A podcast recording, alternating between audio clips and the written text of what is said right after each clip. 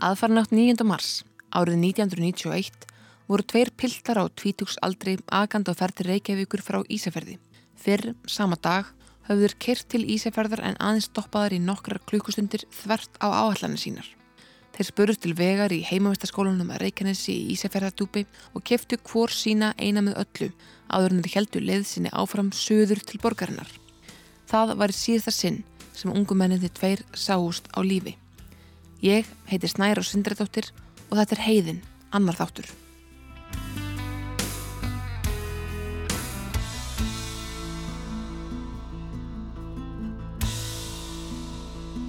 Eins og rakið er í fyrsta þætti heiðarinnar er Marta og Huldu varandi kvarf þegar Jón Skísla Sigurssonar og Hafstins Haldónssonar í mars árið 1991. Þó hefur ekkert verið fjallaðið um málið og það var afgreitt í bæði fjölmiðlum og af lauruglu sem einfalt mál tveggja ungra manna sem orðið hefði úti. Í fyrsta þætti fer ég rækilega yfir hvernig máli rak á fjörun mínar vorið 2017. Ungu menninni tveir kerði á gamalli Volvo-bifrið vestur til Ísafjörðar á förstudagsmorni með það að leiðarljósi að dvelja þar í tvo daga. Þegar á Ísafjörðu var komið, eftir um 8 klukkusunda kyrslu, tóku menninni tveir hins vegar þá ákverðun að keira aftur rakleðist til Reykjavíkur fyrir vera lust. Þá ákverðun tóku þeir þrátt fyrir að veðurspá fyrir svæðið var í slæm og þeim hefði marg ítrekkað verið búðin gisting. Menninni tveir héttu Jón Gisli Sigursson, fættur í lók november 1971 og Hafstein Haldunarsson sem fættur var í ágúst 1972. Þeir voru vinir en Hafstein hafðum skammar hríð verið bekkjarbróðir sýstur Jón Skísla þegar þau voru unglingar. Hann það var svo óbyrðsnegur, hann bjóði mömmu sinni sem var eitthvað, eitthvað, eitthvað, eitthvað og hérna, hún, hún var alveg eldgömmur sko. Og hérna hann var bara bara berjandi fólk bara þetta þetta fjörðan sko. Mjög reyður ég forðast hann alveg bara bara hann alveg bara ég var með hann bekk sko. Ég var sko bara eitt ára eitthvað og hérna viskinn sem segja að þeirra þekkst. En það líkur sér líka heima við svona hátta og hérna en samt einhvern veginn farum svona tæpum gæja. Mér finnst það mjög, mjög spes sko. Ég bara, því ég heyri þetta fyrst að hann fann maður hafði bara að djóka í mig. Veist, hvað fyrir mig honum? Þetta er Sessa eina allsistir Jónskísla sem ólst upp með honum fyrst í Svíþjóð og síðar eftir að fjölskyldan flutti heim til Íslands á unglingsárum Jóns og Sessu Viku eftir að Jón Gísli og Hafsleitin voru ferðinni frá Ísafjörði hófs leitaðum Blái Volvoin sem þeir hafðu ekið fann slagður út í veðkant á stengumnisferðarheiði og ástæða þóttu til að kalla til björgunarsveitir Jón Gísli Sigursson fann slátin um 30 metrum frá veginum en um 800 metrum frá bílnum þann 16. mars, daginn sem leitt hófust. Vond veður skall á nánast í sömu andrá og ekki reyndist und að halda áfram leitt að vinans, Hafstinni. Daginn eftir hófst leitt klukkan half þrjú setnipartin og skömmu eftir klukkan þrjú fannst sæng nálátt staðinum sem Jón Gísli fannst á, sem talin var tilir á honum, en leitt var síðan hægt vegna myrkurs. Næstu daga var leitað í grendið svæði þar sem Jóngisli fannst en fjórum dögum síðar, með ykkurtæðin 20. mars, byrtist eftirfærandi stuppur í morgumblæðinu. Mannsins ekki leitað vegna yllviðris í gær. Vegna yllviðris var ekki und í gær að halda áfram leitað hafstinni Haldanarsinni 18 ára reikvikingi sem saknað hefur verið á Stengrimsjarðarheiði síðan 8. þessa mánadar. Í ráði er að hefja leit að nýju um leið og slótar. Að sögn Sigurðar Bernóttussonar hjá svæðistjórn Björgunarsveita á vestfjörðum er þá ráðgjert að í fyrstu leiti 20 til 30 manna hópur frá Holmavík og bæjum við djúb en síðar einni hópar frá Ísafjörði, Bólungarvík og Nýfstall. Að sögn Sigurðar hafa 10 til 20 cm af jafnföllnum snjó bæst á heiðina síðan leit hófst og kallar það á að beitt verði sömutækni og á snjóflóðasvæðum en þannig sækist seint yfir. Tó er talið að þegar hafi verið leitað mjög nákvæmlega á tæplega 10 km svæði sem helst var talið koma til greina. Á meðan Hafstins var leitað stóð krupningi yfir á Jóngisla í Reykjavík og undirbúningu fyrir útfur. Farið var með líkið í líkustuði Baramstík í Reykjavík þar sem Gunnlaugur Gersson, réttarlagnir, tóka mótið við og gerði rannsókn eins og vennja er í svipuðu málum. Það er óþarfa að fara í smáatröðum yfir krupningaskíslu Jónskísla en ég leið mér þá að flytjur henni brot svo þið, hlustendur góðir, getið séð aðstæður fyrir ykkur. Á færanlegum hjólabekk í líkhúsinu var lík af ungu manni sem fluttaði verið til Reykjavíkur síðastliðna nótt af lauruglunni á Hólmavík samkvæmt beðni lauruglunar á Ísafyrði. Líkið er af pildi, cirka 188 cm háum með ljós skollitt hár. Hann var klættur svörtum mittisliðurjakka með rauðu fóðuri, tveir vasar framann á brjósti og tveir innan á vasar. Hann var klættur svörtum hlýraból með grænu myndmunstriða framann og utan yfir bólinn sem er úr bómullarefni var hann klættur svartri bómullar rúlukragapeisu eða rúlukragaból. Vinstri ermin er grá og fremst á erminum eru svartar og gráar þver rendur. Í hægra eira voru tveir ringir, annar silfurlitaður, hinn gildur. Á vinstri handleg var Timex kvarts karlmannsúr, svört skífa en kassi gildur Tákn árinu voru gilt og mynduðu beinar línur fyrir hverja tölu. Á líkinu var pípu kveikjari með merkingunni Thank Guy by Prince á samt liklakipu sem ávoru tveir liklar. Sumi leiðis fannst vasanýfur með svörtu skafti og 400 krónur í peningum. Þar sem líkið var mjög freðið og íllþekkjanlegt var ákveðið að rannsóknarlaurugla ríkisins gerði ráðstafanir til að endur þekkja líkið. Í skýrslu Gunnlaugs kemur fram að rauðbláir flekkir komi fram á líkinu eftir að það hefur þornað en engin ávarkamerki séu á því. Ekki sé að finna neitt aðtóavert í augum, nefi, munni eða kinnfarum og allt bandi til þess að Jón Gísli hafi orðið úti og frósið í hel þegar bifræðin sem hann ferðast í festið til skabli á stengurinsferðarheiði. Þessar upplýsingar koma reglulega fram í skýrslinum sem fylgja málunu. Það er að bílinn hafi fest í skabli. Í öðrum skýrslum kemur aftur á móti fram að bílinnum hafi verið lagt út í kant á veginum og síðar hafi fendt að honum sem passar við það vonsku veður sem var á heiðinni þessa dagana. Jón Harður Eliasson vann hjá vegagerðinni í Holmavík í ára tíi og var við vinnu nóttina sem Jón Gísli og Hafstið tindust. Það var snarbröla veður á þessu nótt og ég var upp á heiðinni þá sko. Það var alveg, alveg kolvöld, ekki stigni og ég fór nú hann upp uh, um kvöldið fréttum á einhverju bíl sem var í vandræðinu þannig eða hvort að nei, það gerist það mér þetta var, um, ég fór snemmu morgunin mm -hmm. ég fór snemmu morgunin líklega bara upp úr 6 með 6 og 7 til að skoða kanna aðstæður. Og, og hérna þegar ég kem þarna eftir í Norddælinn þetta var náðin allt nánast allt kólófært ég voru öflugum bíl. Og þegar ég kem eftir hérna Norddælinn þá eh, verði ég varfið að þá var signið verið lítið en það var svona bæli eftir eftir bíl þar. Og ég var nægilega búin ákvæða að snúa við. En að því við fæst aðstæður á heiðinu þá held ég áfram og fann það fólk í sælúsinu sem ég tók sem að mig niður. Upp á háheiðinni finnur Jón Hörður sem satt fólk í sæluhúsi sem hafði þurft að leita þánga vegna veðurofsans og meðan þau voru að græða sér til og ákvæði að halda áfram lengra. En ég komst ekki nema nokkur undir metra, sko, bæði var alveg kolbjörlega veður mm -hmm. og svo var svo stór skap hann að þið undan gamla sælahúsinu að ég fann enga leið til að komast yfir hann og sneri við það, sko. Mm. Svo bara sittna um hvort að morgurin eða daginn að þá fréttist það bíl sem það hefði farið og, og það var farið einhvað hugaði en ég komast um ekkert upp hann að hjá okkur. Vegagerðin komst ekki frá Holmavík og yfir heiðina vegna snjóþingsla.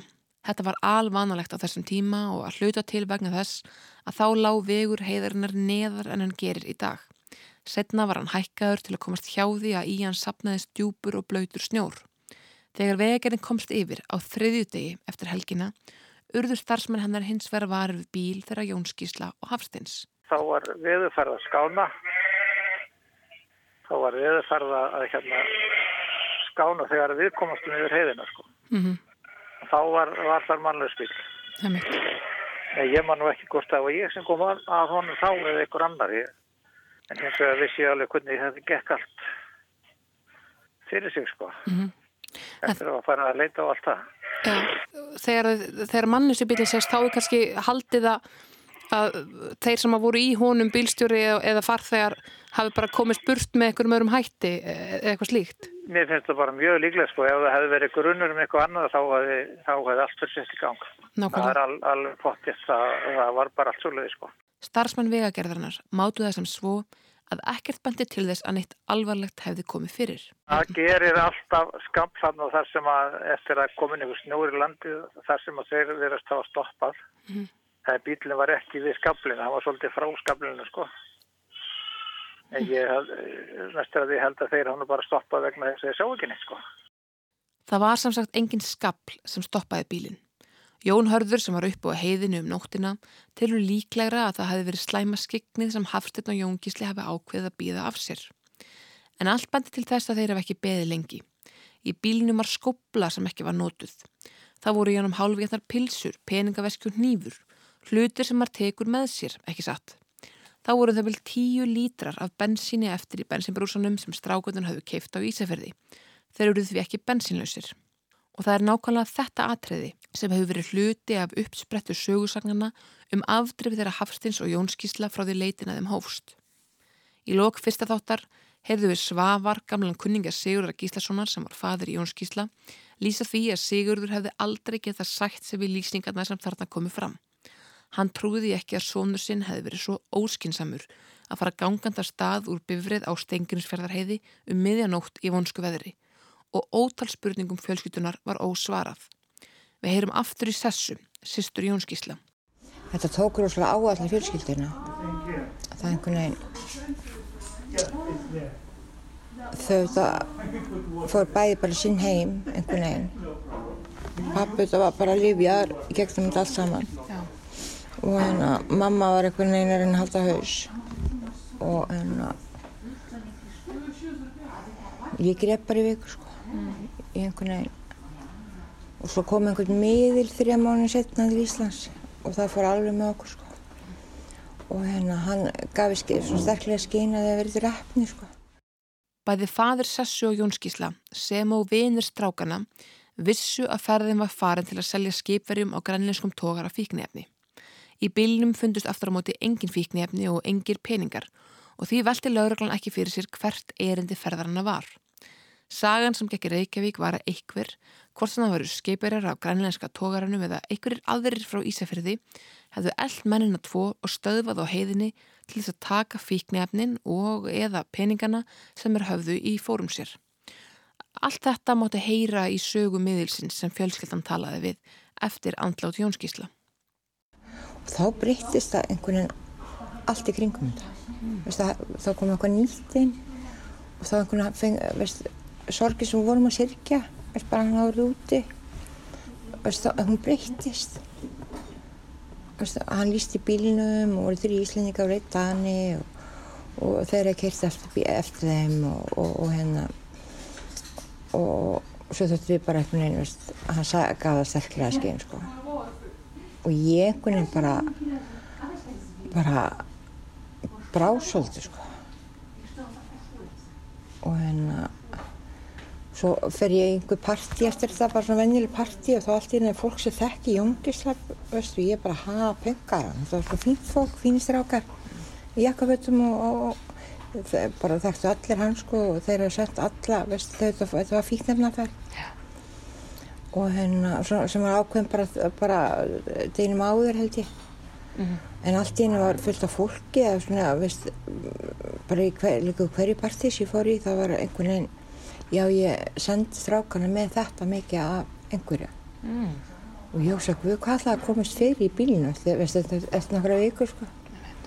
og þá var það voru mikið nota bara sem blóra hérna eitthvað þessi ferð það þeim var ekki treystandi verið fleiri tíu kíló sko. Var bara 18-19 ára strákar. Og allt í nú var þarna bara einhver kíló bara sem, sem fór, einhver sem er að veist að þeir, þeir hefðu sendt sjálf já, já. Og hérna mér fannst þá fór ég að fá, fá svona meira áhuga á þessu.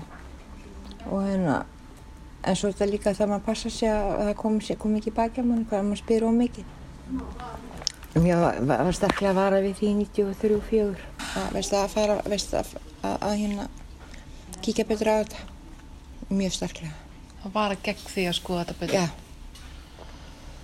En trúir þú því að, að þeir hafi þá Mér finnst alltaf rosalega fyrðulegt að það fannst engi fíknarni og það fannst náttúrulega engi peningur að þeim. Og hérna, hvað er það einhver peningur? Eða eitthvað annað? Og svo einhvern veginn svo misvísandi, einhvern veginn bara, bara, finnst mér einhvern veginn það sem þjófélagi var að segja og það sem stendur í laurskíslunni. Mm -hmm. Mér finnst búið að stróka rosalega mikið um margt þar. Mér finnst eiginlega bara, veist af alla að sé bara, bara það sem einhver búið. Svo búið stryka svart yfir allt hitt og hérna mér finnst það líka svolítið skrítið og mér finnst svolítið skrítið með bondabæðin sem bönguð upp á að þeim hafa bara verið að þeim hafa ekki verið sagt hvernig við verið framöndan mm -hmm. og þeim búið gisting eða hver næsta gisting væri að þeim hafa bara verið sagt að keiti vinstri eitthvað svona að slæmum svolítið sko En, en trúur sögunum að þeir hafi verið að fara með miklu meiri fíknefni heldur en Ég trúi því að þeirra vera að það einhverja velta frá Ísafjörði. Já. Ég trúi því. Ég veit ekki hvað þið fóru með. En miljón, miljón. Já. Veist, á þeim tíma það, það var miljón, kannski svo fimm miljónir. Og þetta fór kannski úrskeið. Þetta átti ekkert að fara flýtla.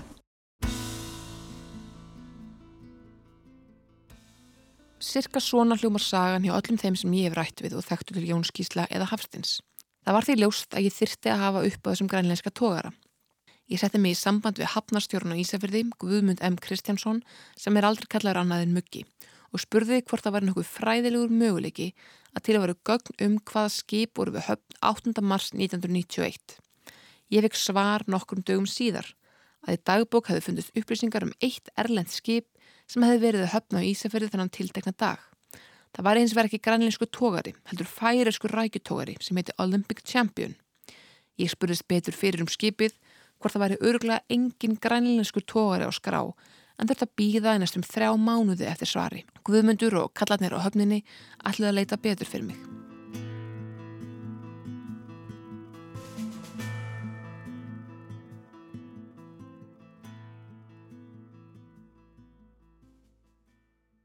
Á meðan ringdi ég færiska sjávarútvísraðundið og fekk samband hingað og þangað við henni ímsu starfsmenn.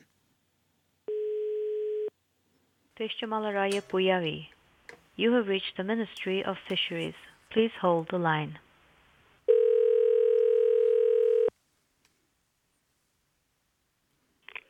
Fishmalaraya gone there? Hello. Það kom mér á óvart hvað ennsku kunnat á sumra starfsmanna var léleg og ég bel þannig að þeir bæðust undan því að tala við mig. Sjálf er ég aflit í að tala dönsku og einhvern veginn komum við og símatömmunar eða aðrir starfsmenn okkur illa saman um tungumól. Þannig að á endanum neytist ég til að tala við símatömmuna í félagsmálaráðundinu en hún gætt gefið mér sambandi mann sem heitir Rókvið Reinert og er skrifstofustjóri sjávarúðusráðundsins í færiðum. Hann leitaði ínum ymsu gögnum að færiðska rækjutógarunum og ringdi svo í mig og saði mér að jú, þetta skip hefði verið í eigu færiðinga fyrir hartnær 30 árum en væri það ekki lengur. Eigandin hefði verið PF Olympic og trúið mér þegar af því orðið er leitað í appal með viðskettunum Faroe Islands þá fast upplýsingar um íþróttaafreik færaðinga en alls engan sjáurútveg. En það gerði lítið til því ég hefði á tilfinningunni að þrátt fyrir símtölun fjölmörgu til færaða var ég að elda rángan þráð. Þetta hefði alltaf verið grænleinskur tógari eins og upprunnaða sagan sem ég heyrði fullirti en ekki færiðskur rækjubátur. Þegar ég ítrykkaði fyrirspurn mína til að hafnarstjórnans og Ísafjörði í ágúst 2020 fekk ég svar fljótt. Upp á háalofti á skristofu Ísafjörðarhafnar fundust loksins skipaskrarnar sem ég var að býða eftir. Í ríkföllnum kössum sem enginn hefði gert ráð fyrir að opna á ný. Sælsnarós. Það er eins og við mannin mælt að þegar þólinn maður brestur ekki þá er ímislegt sem kemur í ljós. Bókinu fundin. Erik Egeði Grænleiskur tógari kemur 7. mars og fer 7. mars, svo hann gæti verið sá sem þú leitar að. Eins, ef þú vilt fá einhverjar frekar upplýsingar, hafðu þá samband. Hveðja, muggi. Erik Egeði, tógarinn sem ég hefði leitað af. Á handskrefum síðum með bláu bleki höfðu starfsmenn Ísafjörðarhafnar fært til bókar hvert einasta skip sem í höfnina hafði komið. Erik Egeði, grænlenski tógarinn sem var gefið nafn í höfuðuð á þesslenskum stjórnmálamanni, hafði komið til Ísafjörðar klokkan 3.15 að nóttu þann 7. mars á 1991 og farið aftur klukkan 9.20 þann sjöunda. Það er nánast örugt að skipið hafi verið á rækjuveiðu með austur Grænland eða Dornbankan eins og svæðið er kallað.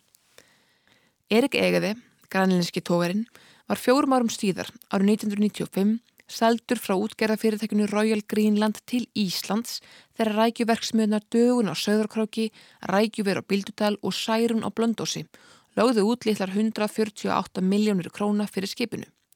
Tveimur árum síðar urðu aftur eigendarskipti á því hér innan lands en þá tók skipið að sigla undir eistneskum fána. Í dag gengur þetta skip undir nefnunu Meríke og sildi undir eistneska fánunum en að hluta í eigu íslenskara útgerðafyrirtækja allt til 23. oktober 2005 þegar því var lagt til hafnar. Nokkur mánum síðar sökk Meríke á 20 mínutum skamt fyrir utan hjörlefshafða þegar verið var að draga hann í brótajátt frá hafnafjörahöpp til Dammörkur í vondu veðri. Það sem að geta að þó nokkur sýsturskipennar úr sömu framleiðslu sukku líka eitt af öðru. En þessi saga er ekki að skiptir raun litlu máli. Það sem skiptir máli er að skipið kom og fór áður en Jóngisli og Hafstætt gátu komið til mótsviða. Það var fyrr á ferðinni en þeir hafðu búist við sem var bömmar því þó var ferðin öll til einskis. En það þýtti líka sagan sem ég hefði heyrt upprunalega um að mögulega hefðu sjóminn og tógarunum eld piltana og haft af þeim peningana eftir að fíknjarnar viðskiptun hafðu átt sér stað var fallin um sjálfa sig.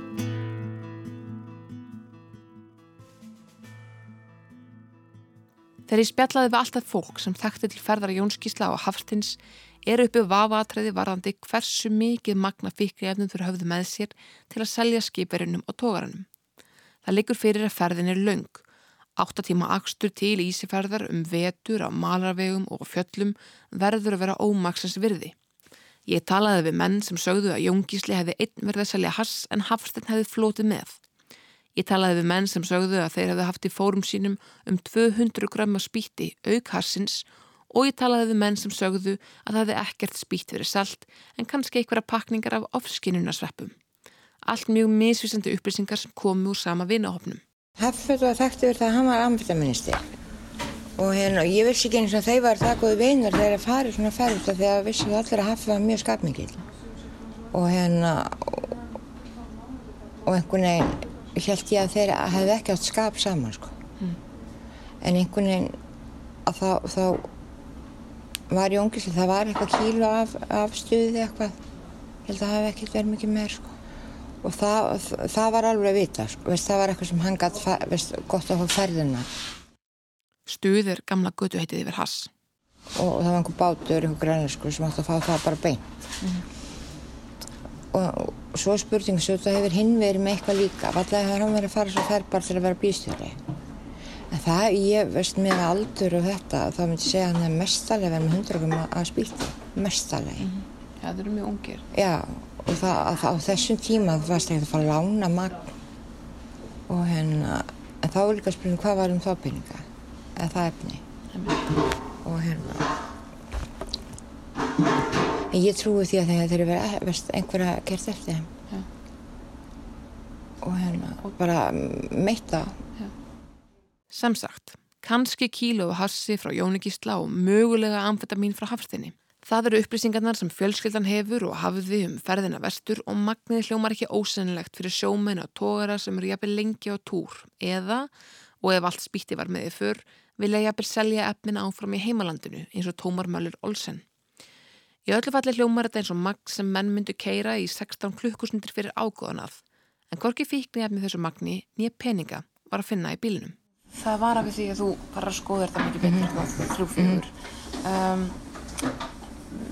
veistu til þess að á Ísafjörði hafi geta verið veist, einhverjum svona vondir menn en að gæsla var... það getur líka vel verið að það bara verið gæður sem kerir bara eftir mjög bænum já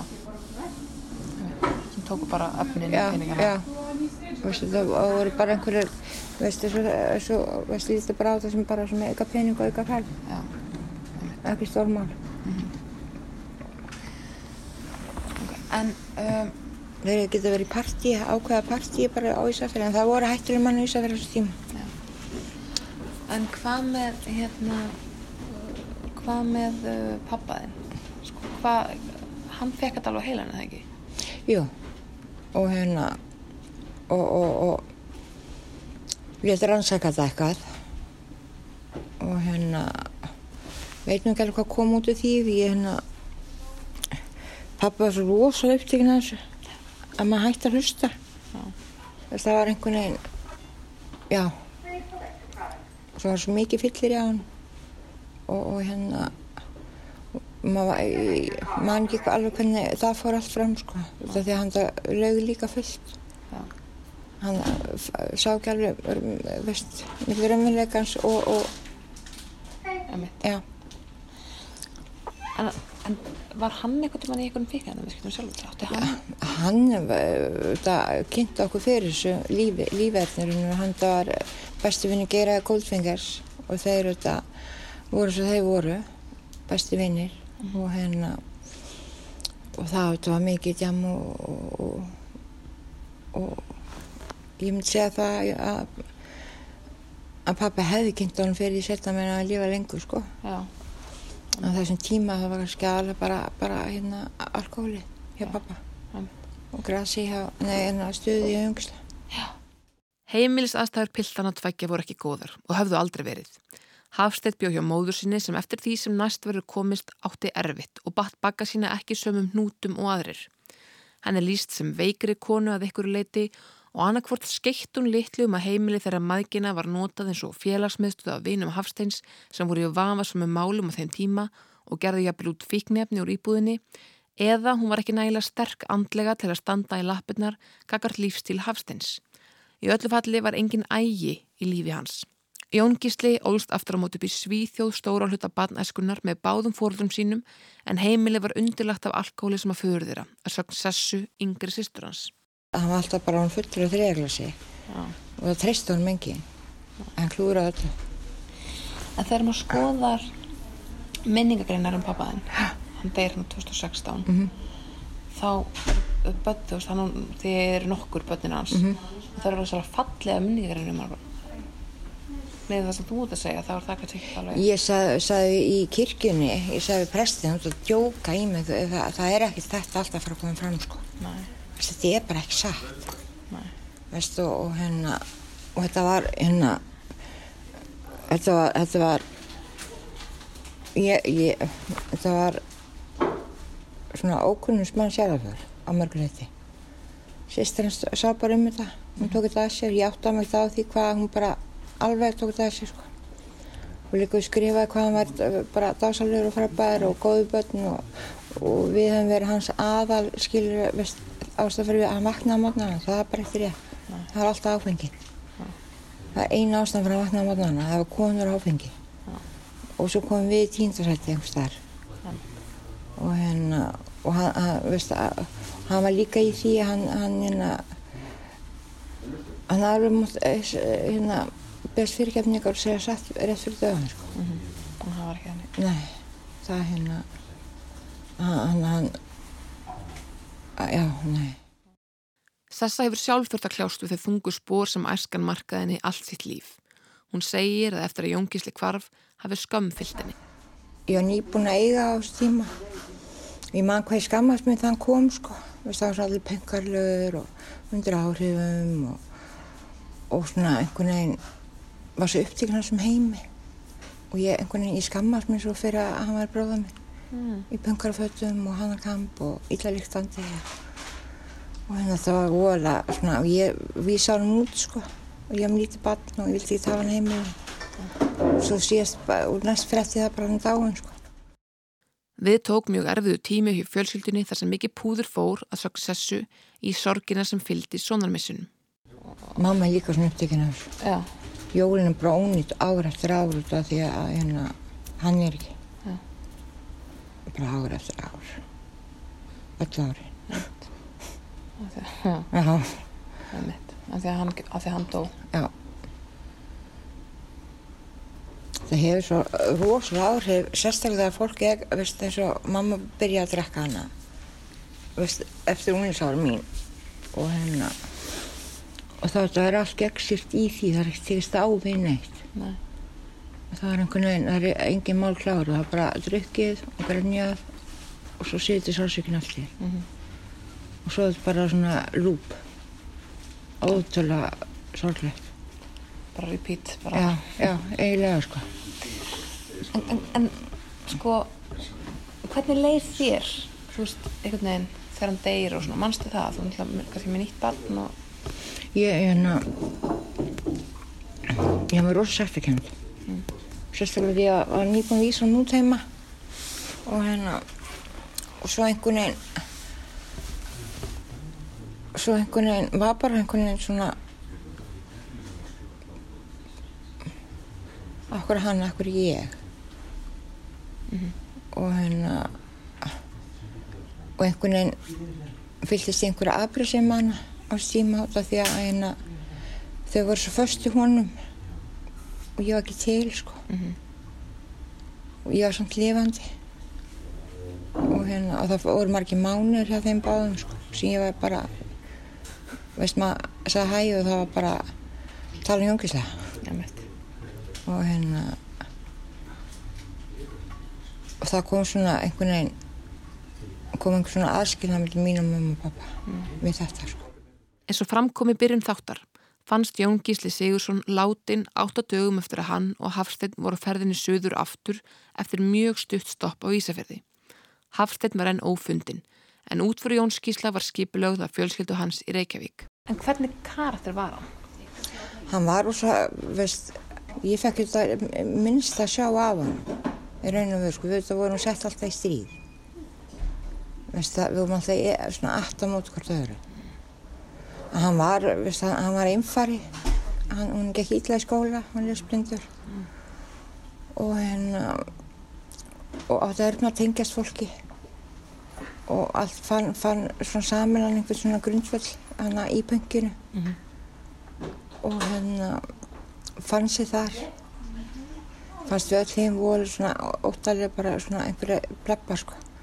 Og hún langar ekki að vera vinnilegur Í minningagreinum um Jóngísla sem byrtist í morgunblæðinu var hann um nýst sem tákmiklum og fallegum dreng sem hefði alla tíð verið fjörugur og duglegur. Föður amma Jóns sendi honum þar ljóð eftir Stefán frá Kvítadal og ég leiði mér hér að láta flytja fyrstu tvö erindi hvaðisins. Nú líður óðum á loka þáttin. Mér er örðugt og þungtum andardráttin. Hið ytra virðist í engu breytt en sært er hjartað og sál mín þreytt.